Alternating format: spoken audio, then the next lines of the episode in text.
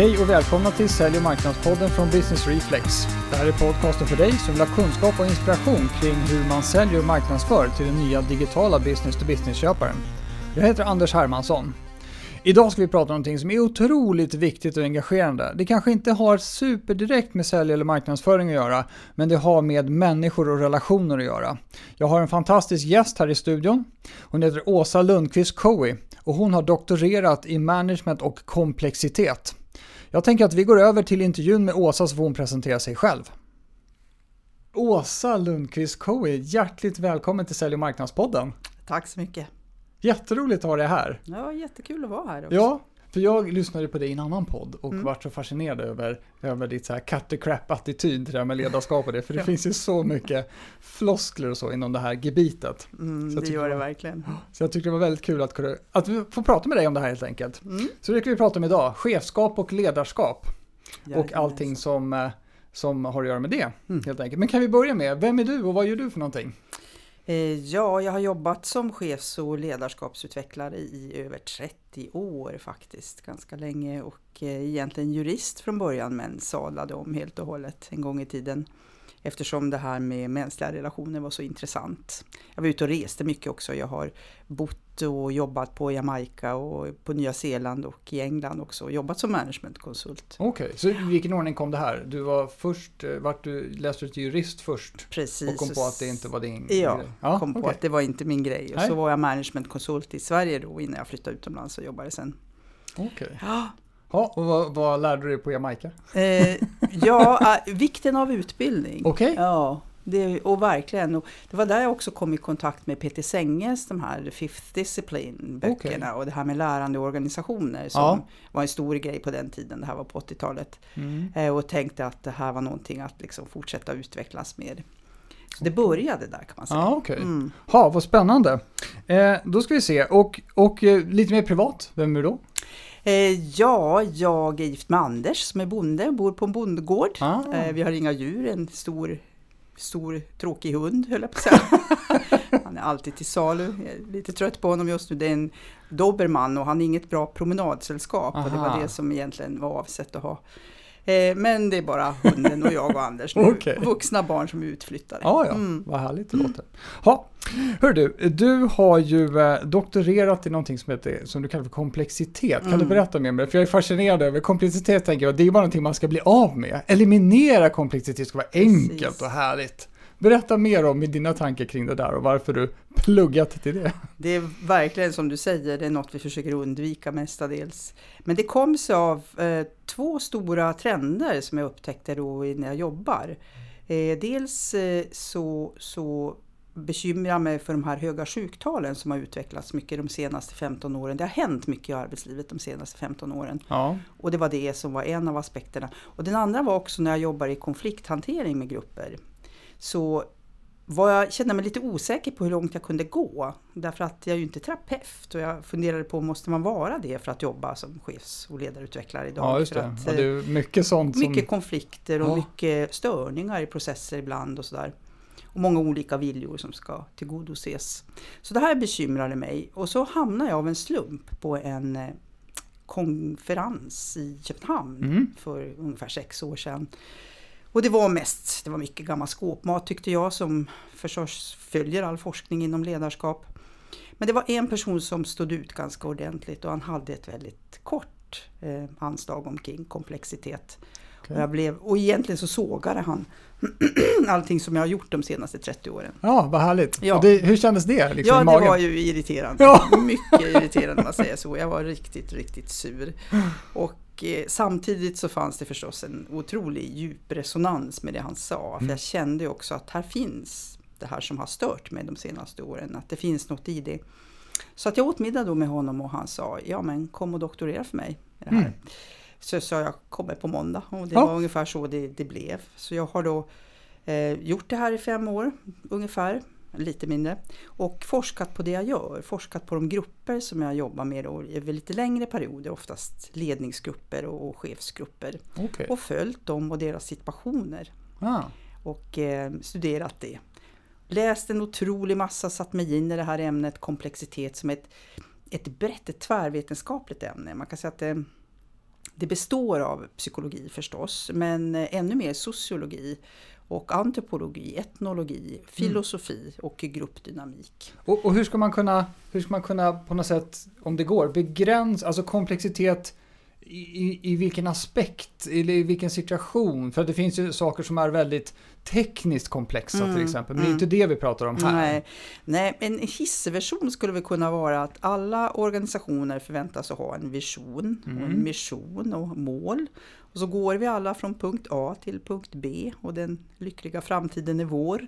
Och allt det här skulle fungera till 100% också om inte folk fanns. Just det, det är, vi ja, som är, det, det är de som ställer till ja, det hela tiden. det är vi ja. som ställer till Powerpointerna brukar ju funka superbra. De funkar bra. Ja. Mm. Och teknisk komplexitet är inte så komplext som folk är. För vi, vi är så oberäkneliga variabler i mm. alla ekvationer vi, vi stökar till det mesta därför att eh, vi kan det.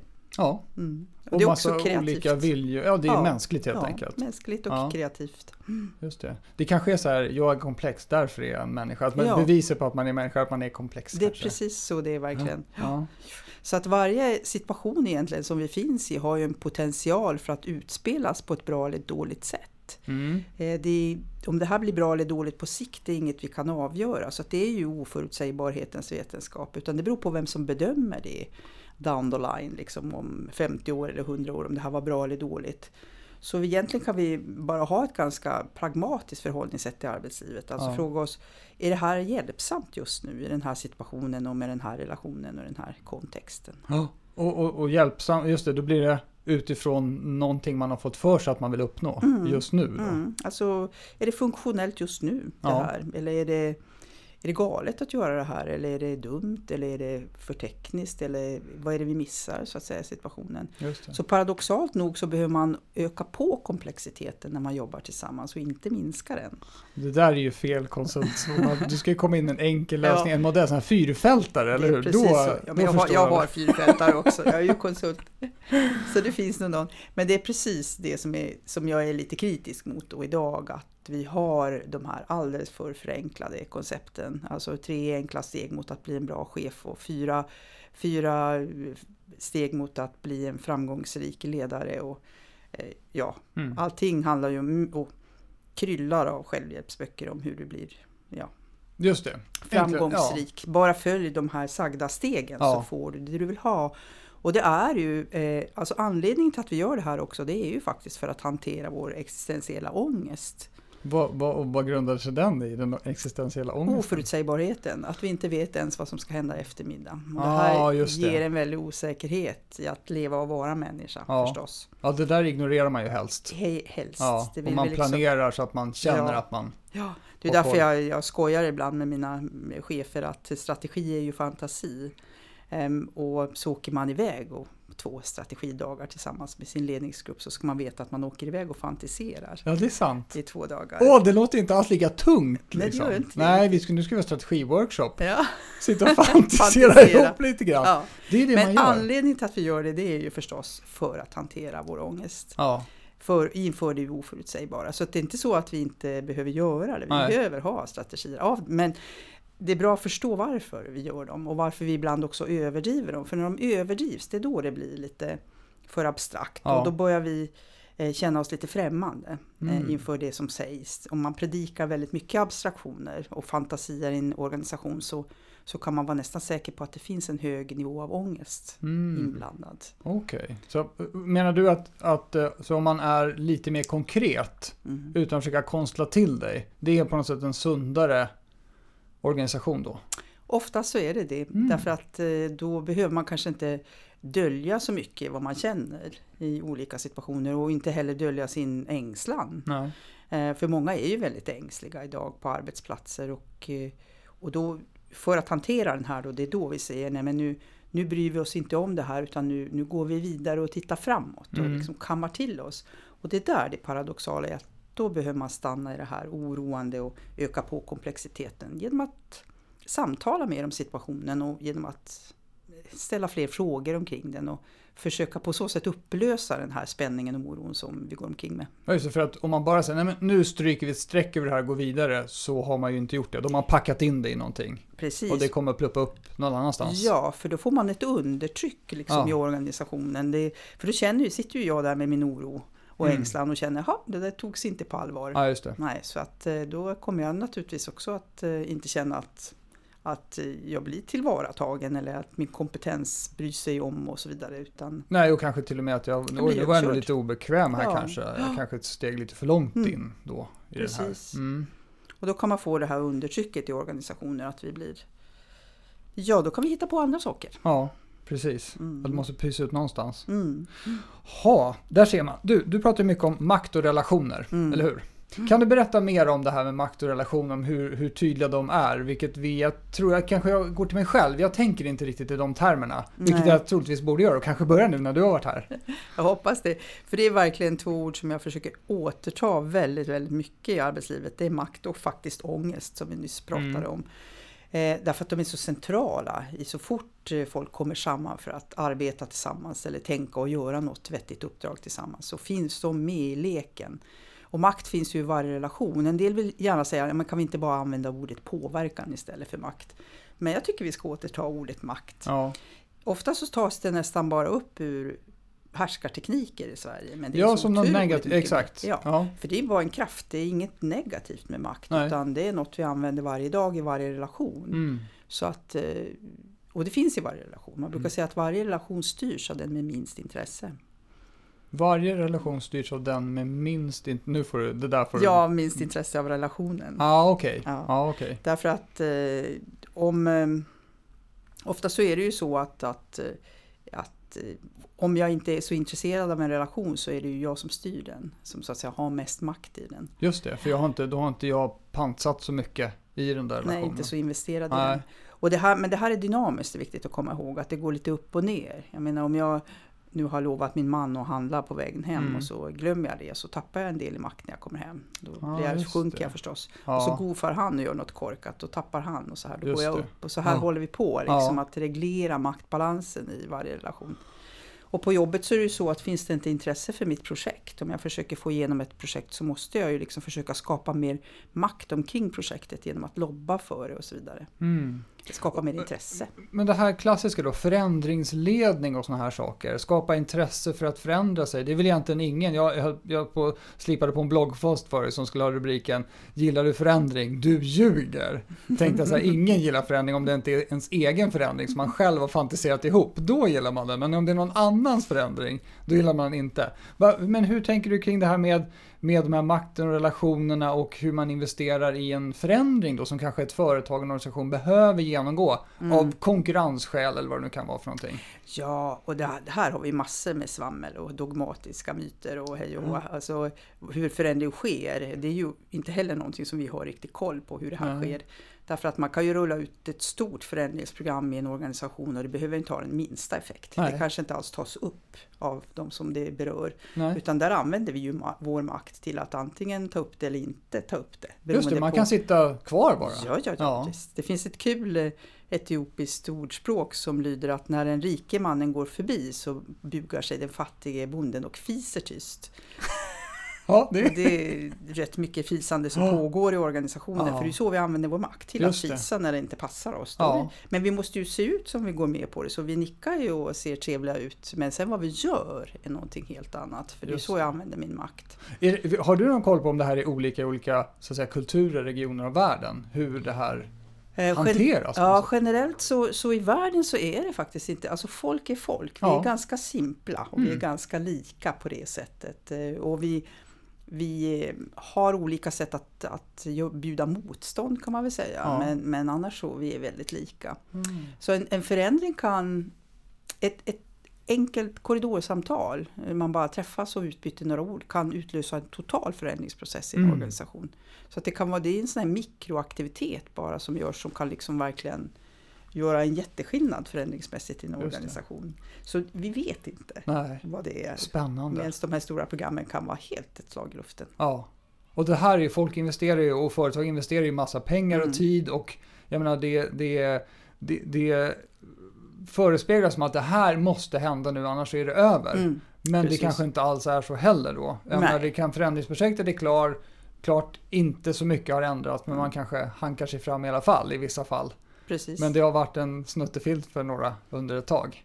Och då är det Exakt. då de Mm. som har varit, de har haft mest att säga till, eller de har investerat mest då i den här relationen med alla som ska förändras Mm. och de som ska förändras har inte riktigt köpt det. Och då har ju Nej. de makten, förstår jag hur du menar nu, då har ju de makten att strunta i det och hela förändringsprojektet går bara förbi. Precis så. Mm. Exakt så. Så Spännande. det behöver inte hända någonting. Nej, Så det är verkligen den här kunskapen omkring just relationer och hur makt fungerar som, Ja. som vi behöver ha mycket, mycket mer input jag tycker det låter lite, det låter lite jobbigt också just att, att det är så dynamiskt, att det Mm. ändras hela tiden. Mm. För det är väl så att i, Mm. om man tittar på i eh, strikt hierarkiska organisationer, då låser man ju fast maktförhållandet och i militär, liksom, då är det någon som har massa guldkrafts på axlarna som då har, det går liksom inte för den personen att få mindre makt än den som har, eller alltså det är Mm. fastlåst, för man försöker på något sätt, Jag tror att det, det är paradoxalt, ska man komma ihåg allting. Dels, dels så tror jag inte på det här hierarkisvamlet. Jag tror inte att det finns några hierarkier. Det här är något som vi liksom har uppfunnit, någon Ah. sorts mental representation.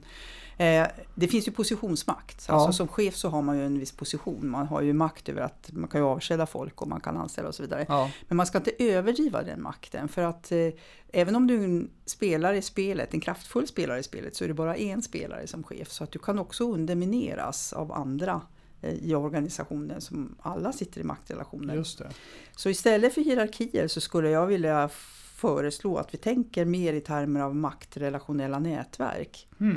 Vi sitter alla i maktrelationer. Jag sitter i en maktrelation ja, men tillsammans med min man och Mm. flera av mina viktiga nyckelkunder och med kanske mina barns eh, lärare om jag hade barn i skolåldern och så vidare. Så vi sitter i olika maktrelationer och det varenda en av dem sitter också i sina maktrelationer. Mm. Och det, jag tänker också att det är ju när, när makten som någon har inte är kopplad till en formell utsedd makt, då är den mycket lurigare. Chefen har ju på något sätt så här på sin dörr att Mm. här inne finns makt. Mm. Det är en, den är ju lättare då att identifiera. Att Men det kan vara en chimär, ja precis. Men sen finns det då informella makthavare Oh i ja. organisationen. Ja, ja, ja, ja. Du har ju andra nyckelspelare i organisationen som kanske har eh, väldigt mycket mer makt Mm. än chefen. Det är ju ganska lätt eh, för mig som konsult att ibland se när jag kommer in i olika grupperingar så kan man ganska snabbt ana vem det är som är mest tongivande. Eller vems röst som kanske väger, eller vilkas. För Ja. ofta är det flera som så att säga sitter och stöttar också varandra. Just det, Mm. man hittar en liten gruppering där. Mm. Ja, Mm. Där de tillsammans säger att fixar vi det här så tjänar vi i alla fall, alla Ja. vi fem på Ja det. men precis, Ja. precis. Ja. Exakt, Ja. så att det är en väldigt skör och delikat maktbalans i alla grupper hela tiden. Ja. Det finns ju någon, någonting eh, i, i många sammanhang, konfliktundvikande beteende. Mm. Att man försöker stryka över och, och så. Vi var inne lite grann på det förut, men, men finns det, Precis. ska man använda på något sätt konflikten som ett verktyg eller hur, hur ser du på det? Verkligen inte. Därför att eh, det behöver man inte. Vi, vi skapar konflikter ändå omkring oss. Så att det är inget man behöver liksom försöka Man behöver inte hålla på och elda på. Nej, Nej, verkligen det, kan, inte. det låter som att det kan slå oerhört ja, fel. Ja, ja, helt och hållet. Mm. Därför att man ska komma ihåg att vad en organisation är, är egentligen ett antal alltså funktionella relationer som alla präglas av olika ideologier och makt Mm. och olika intentioner utifrån att vi har olika ideologier. Mm. Och när vi kommer samman och ska tolka någonting, då, hur ska vi utföra det här uppdraget? Då börjar det grusa.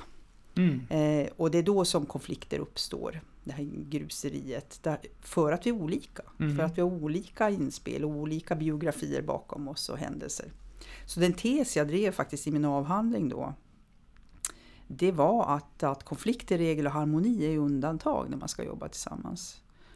Och där Mm. tänker vi lite fel, för ofta så när vi går in i en grupp och ska samarbeta så, så går vi in där med någon sorts eh, lite romantisk föreställning att det ska bli konsensus och vi ska komma ut glada i hågen Ja, och alla ska vara precis. överens. Och jag skulle vilja rekommendera det motsatta, att man faktiskt går in och drar ner visiret lite grann och skyddar sig lite grann.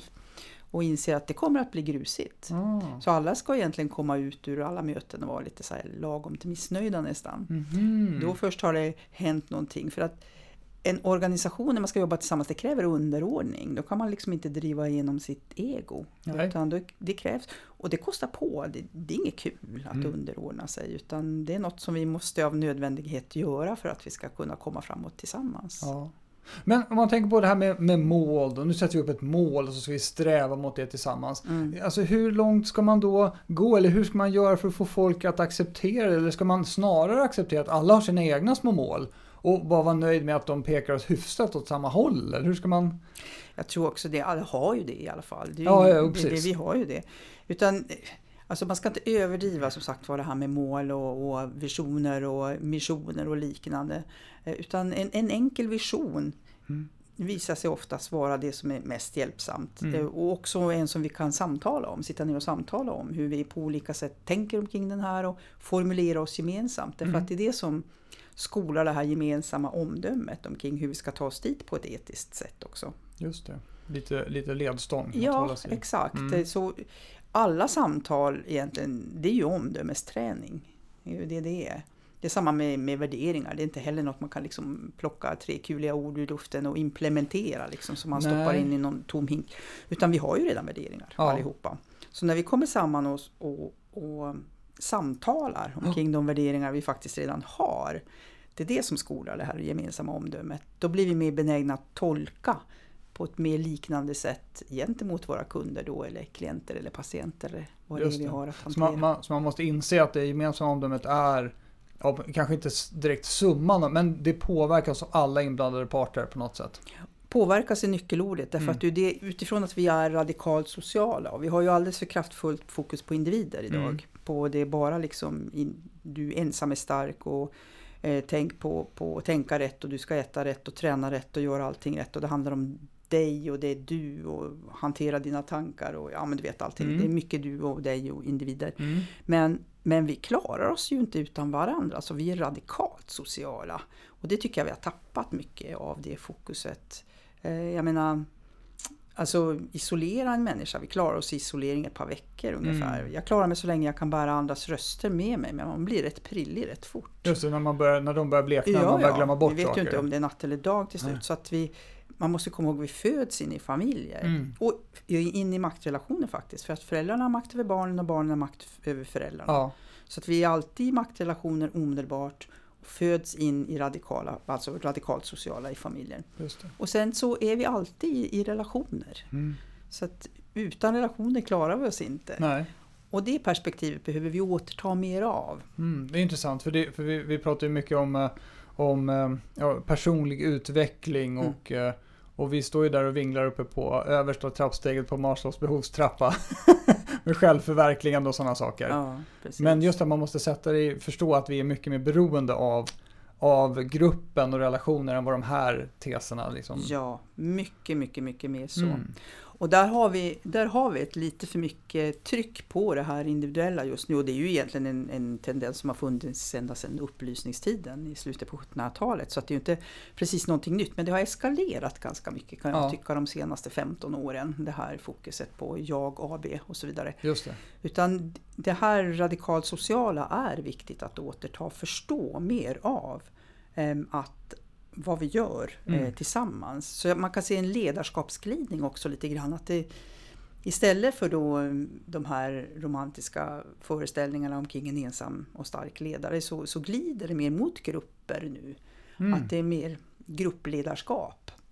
Så att just det, vi kommer in lite grann mer på chefens, chefens roll här. Men jag tänkte prata om en sak först. Vi, vi, om man nu säger att vi ska försöka få undan lite grann av lismandet och försöka verkligen, ja det blir det där mötet där man går ut och känner sig lite obehagligt emot så att det har, hänt någonting. Mm. Det bygger ju antagligen då på ärlighet. Att man inte håller på och mörkar saker och sånt. Mm. Men hur ska man hantera, hur ärlig ska man vara?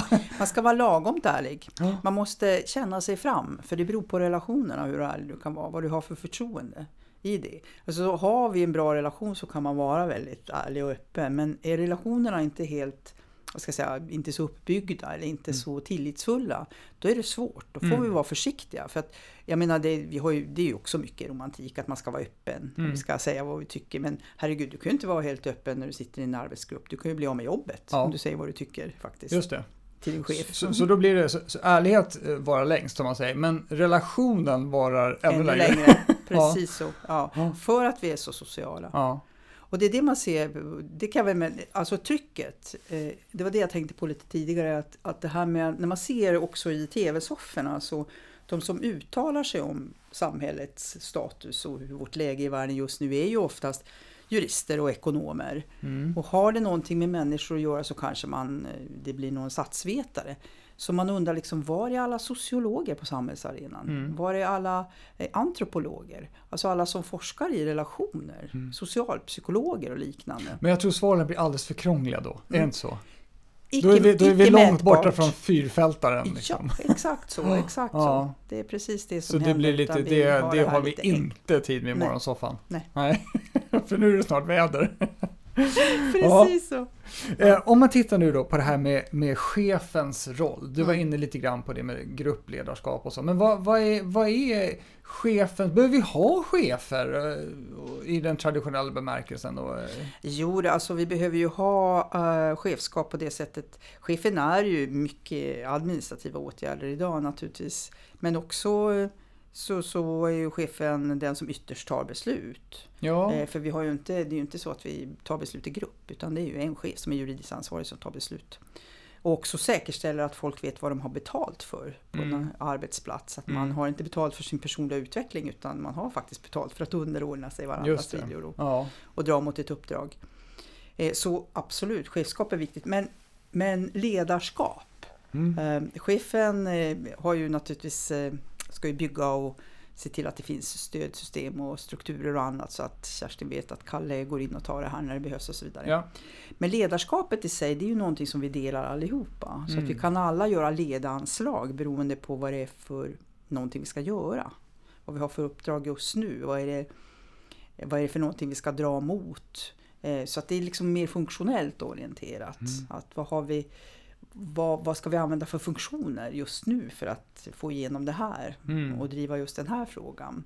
Så där ser man att det är för mycket betoning och för mycket fokus på chefer. För att en person kan inte bära en verksamhet på sina späda axlar Nej. utan det är liksom alla måste, alla måste bära spänning idag. Även om chefer och ledare är viktiga spänningsreglerare Ja. så måste vi ändå alla någonstans hjälpa till att reglera den här spänningen oss emellan mot uppdrag. Just det.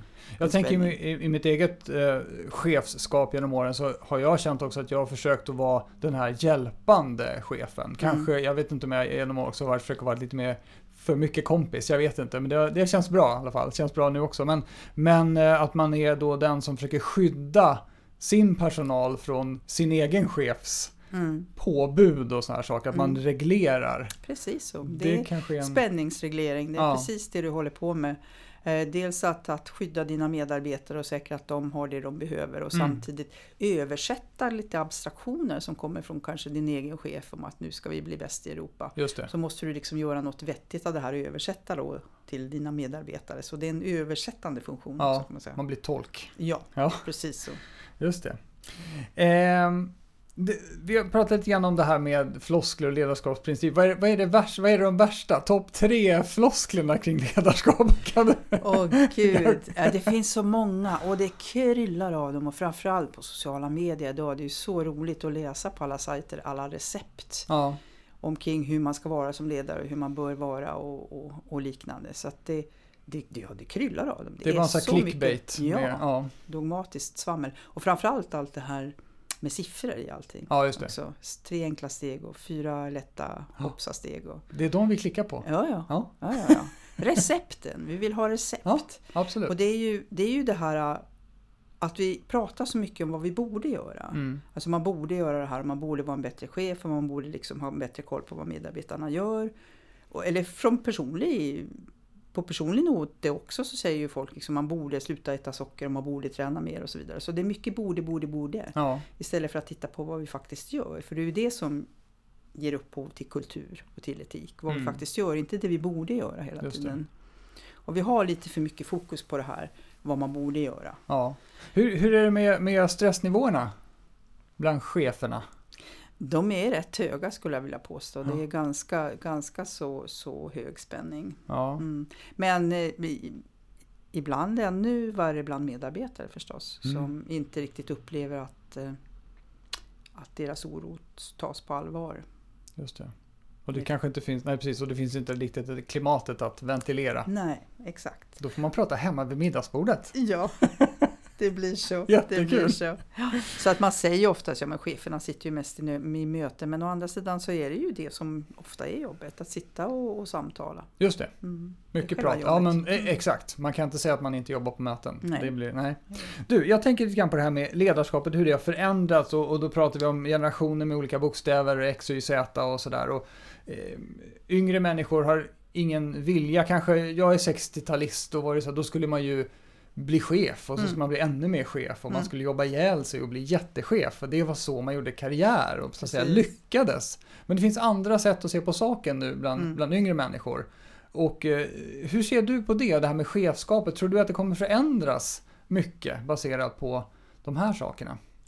Ja, jag ser inte att det är någon jättehöjdare att bli chef bland den yngre generationen idag. Det är Nej. inte så att alla liksom, oh jag vill absolut bli chef. Det var något som man hörde för typ ja, men 10-20 år sedan. Ja. Då ville man nog det. Men inte idag. Eh, därför att det är ju, man är ju också ganska begränsad som chef. Du, du, och de flesta vill ju ha större frihet, så Mm. alla vill ju bli konsult. Just istället. det. Därför att då har du ju ändå din frihet att, och då kan du köra också individuella race. Ja. Då behöver du inte underordna dig på samma sätt som du måste göra om du finns i en organisation. Så, så självklart så det är inte någon självklarhet att bli chef. Nej. Jag får se för att det finns ju väldigt många organisationer där ute som i sin, till sin struktur kräver att väldigt många människor vill vara chefer. Mm. Det kommer då antagligen vara en jätteutmaning och se hur kan vi befolka de här Ja. organisationerna eller göra om dem till något annat. ja. Jag tror det att du säger det nu, det här med att göra om tror jag är mer troligt. Mm. Än att vi försöker befolka dem med chefer. Ja, som inte vill vara det. Nej, precis ändå. Ja. För det blir ju en väldig brist på dem. ja, precis. En sak som jag tänkte fråga dig om också, det är att, eh, så det är ju floskelvarning, big time på det här då, det är att man ofta säger att organisationen måste vara agil. Mm. Och jag har ju försökt översätta det till någon sorts att det är agilitet och någon förmåga och kanske vilja till förändring och Mm. sådana saker. Mm. Eh, Hur, hur ser du på det här kravet på agilitet och chefens roll i det här? Ledarens roll? Ja, jag, jag, jag tänker ju att det, det är ju klok som säger att det är väl floskelvarning, för det är det verkligen. Alltså en organisation kan inte vara agil, det är bara folk kan vara agila i så fall. Mm. Och samma så säger vi ju så här abstraktioner att samarbets, organisationen ska samarbeta. Men organisationer kan inte samarbeta, bara folk kan samarbeta. Ja. Så att eh, organisationen i sig är inte agil utan det är, det är folk som kan vara och vi är, vi är födda anpassningsbara, vi ska Ja. inte överleva annars. För agility är ju att anpassa Ja, sig sant. efter olika situationer och improvisera. Så det är ju inte så att vi ska sluta planera, vi ska ju planera men, men räkna med att planeringen aldrig håller för sen så måste du improvisera när du Mm. väl är i situationen. Därför att det är en helt ny relation, en helt ny situation och kontext varje tillfälle. Så vad vi gör i varje ögonblick, alltså i varje relation och situation, det är det som, ur det som kultur uppstår. Just det. Så, så då, för då kommer du in på, på en jättehärlig, viktig fråga tycker jag, det här med kultur. Mm. Vi pratar om vilken kultur ska vi ha på det här företaget och det är kultur äter strategi till frukost och vad det Ja, är för sådana one-liners. Men eh, hur ska man då ehm, implementera en kultur eller kan man implementera en kultur? Hur ser du på det? Nej, det kan man inte. Nej. Nej. enkelt kort svar, enkelt svar, Ja. recept, nej. Eh, kultur uppstår av det vi gör varje dag. Vi gör ju någonting varje dag. Mm. Alltså varenda, och det, och det är ingen rocket science. Oavsett om du är medarbetare eller chef så kommer du in till jobbet och liksom känner dig fram lite grann, kollar på folk, hur ser de ut, hur mår de, går och tar lite kaffe, så här, vad ska jag göra den här veckan, vad Ja. ser, uppdraget ut? Så det är inte så märkvärdigt. Nej. Och, och, och förs- sätter igång och försöker liksom jobba mot någon sorts grej eller projekt eller deadline eller någonting sånt som du har. Och ur alla de här små, små, små aktiviteterna som vi gör hela tiden, samtala med varann, i- träffas i korridoren, sitter i fikarummet. Ur allt det här uppstår kultur. Ja. Och etik och värderingar, det uppstår ur allting vi redan gör. Mm. Så det är inget man kan liksom plantera eller implementera Nej. som i någon sorts tom hink. Men det är också en abstraktion. Ska man, ska man ens bry sig om att försöka beskriva sin kultur på ett företag? Är det någon, tjänar det någonting till? Eller man har den bara? Man har den kultur man förtjänar. Alltså när man beskriver den så pratar man ju, det gör man ju oftast i termer av känslor. Alltså hur känns det när du är på väg till jobbet? Mm. Eh, vad har du för känsla i magen egentligen? Um, ska det bli kul att Ja. komma dit eller ska det inte bli det? För det är ju det som oftast avgör hur du känner inför det, som, det mönster som ändå finns på i arbetsplatsen som, Ja. som du är en del av. Just För vi påverkar och påverkas, påverkar och påverkas och påverkar och påverkas i allt vi gör. Ja. Så att det är därför vi gör saker och ting tillsammans. Mm. Jag sitter ju inte själv och man kan inte sitta själv och känna känslor. Just det. Alltså jag, jag sitter inte i ett vakuum och känner en känsla utan när jag känner en känsla så är det för att jag tänker på en person eller en situation. Mm. Och då uppstår en känsla i kroppen. Ja. Så att den uppstår inte av sig själv. Nej. Utan det är alla situationer som jag har varit i som har lärt mig att det här uppstår då när jag tänker på just den situationen. Just det. Ja. Så vi är aldrig isolerade. Nej. Vi kan inte vara det. Nej, just det. Okej, så, så då, då har vi eh, alla små saker vi gör och då blir det här med eh, eh, någon form av värdering eller visionen då. Det är den som på något sätt ska hjälpa oss lite grann kring vad vi då på något sätt bör göra. Och ju mer av det då vi bör göra kommer sen att bygga upp en kultur. Exakt så. Ja. Då uppstår en kultur. Så det är ju mycket att, eh, att eh, det här idén som vi då försöker någon enkel vision eller så formulera tillsammans och se vad vi har för uppdrag. Så, och försöker ta oss fram då och samtala om det. Ja, Och då uppstår förstås den kulturen som vi eh, utifrån det vi gör. Just det. Alltså det här blir lite svårt, för vi brukar avsluta poddarna med att fråga så här, "Ja, men vad ska man göra nu då konkret? Då ska jag fråga dig om ett recept och jag inser Ja. att det är lite svårt Ja, ja, nej, att det är få. inga problem. Jag har recept. Jag har recept, absolut. Eh, Ja, ja, så om, fast, man, om man nu, vad- och hur ska jag formulera det? Om man nu är chef, Ja. ledare och tänker att jag skulle vilja ta, ta nästa steg i mitt ledarskap eller jag ser att det behövs Mm. på något sätt. I vilken ände ska jag ta tag i det hela? Eller är det något annat bra recept du vill dela med dig av?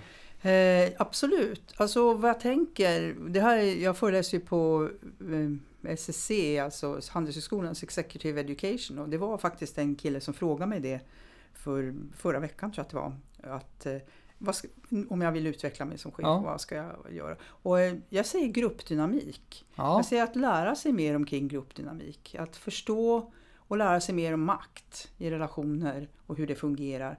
Och också förstå, alltså verkligen förstå det här på ett djupare sätt eh, med hur radikalt sociala vi är. Man kan med fördel läsa sociologi för att förstå hur civilisation uppstår och Ja. byggs. För det är ju samma sätt med en organisation. Det är Ja. ju en, minicivilisation egentligen som, som uppstår.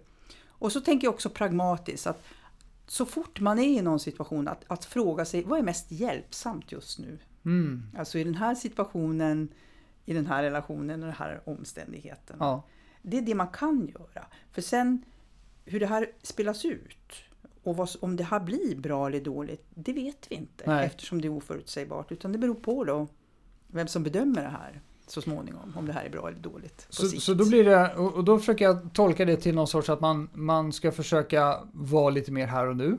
Ja, För att förstå att man just nu är inne i någon form av relation ja. och att det finns ett maktspel där. Mm. Och sen så har man väl förhoppningsvis något jäkla syfte som man siktar emot, någonting Ja. som man vill åstadkomma. Och då försöker man fundera ut utifrån det då, vad är det jag ska göra nu? Just nu, i Ja. den här, liksom, just i den här situationen, vad är mest hjälpsamt Just det. just nu? Ja, Därför att eh, resten kan vi ju så att säga bara sia om. Vi, vi, vi, och vi är ju inte siare, vi kan inte se in i framtiden. Så vi kan liksom inte riktigt... Eh, vi kan försöka, vi försöker ju föreställa oss en Ja. framtid. För det är det som ger oss hopp ja, också. Och gör att vi fortsätter och, och håller på och gör det vi gör. Men man måste också komma ihåg samtidigt att det finns ingen lösning. Så det är inget som ska fixas eller lösas. Utan det kommer nya bekymmer. ja. Alltså imorgon. Därför att eh, vi har att göra, det är oberäkneligt. Man ska leva förhoppningsfull i sin ångest på något sätt. Absolut, och bli vän lite med sin ångest Ja. och förstå att det, det är så här. Ja, Att, eh, att vara människa. Just det det. är ångestfyllt och det är liksom osäkert. Och det är något som vi delar alla. ja, jag har studerat lite buddhism och där är det verkligen den första sanningen att lidandet finns. Ja, Man ska acceptera att lidandet finns. ja, och allt det här tror jag sammantaget gör att man kan, att man, det kan vara hjälpsamt att man, har, man minskar på spänningen helt Ja. enkelt. Lite grann. Att axlarna sjunker ner lite grann och inser att du behöver inte fixa världen på något sätt. Nej. Utan det, du kan göra det du kan göra. Men Ja. Inte mer än det. Inte mer än det. Jättebra Åsa. Ta tack så jättemycket för att du kom till Sälj och marknadspodden. Tack, tack. En sista fråga bara. Om någon vill få tag på dig för att få mer inspiration eller kanske rent av någon föreläsning och så. Hur, hur ska de göra då? Ja, de kan, eh, jag finns både på Facebook och på LinkedIn, Åsa Lundqvist Cowie. Ja, Eh, Min hemsida heter också cfol.se eller ASA. Och vad betyder den där CFOL.se. förkortningen? Den heter Center for Outstanding Leadership. Outstanding leadership. Och det handlar inte, det låter lite förmätet, men det handlar om att komma utanför sina normer, lite, att bli lite mer outstanding, att trycka ut normerna, att bredda normerna. Istället snarare än Experimentera i enastående så är det... Ja, just det. Ja. Ja. Bra namn tycker jag. Ja, Men tack så jättemycket för att du kom förbi tack själv. studion. Jättekul. Tack. Tack. Det var allt vi hade att bjuda på från Sälj och marknadspodden för den här gången. Hoppas du tycker att avsnittet var inspirerande och kunskapsgivande. Jag vill lämna er med orden som vi brukar göra. Vad ni än gör där ute, så var relevanta. Hej då!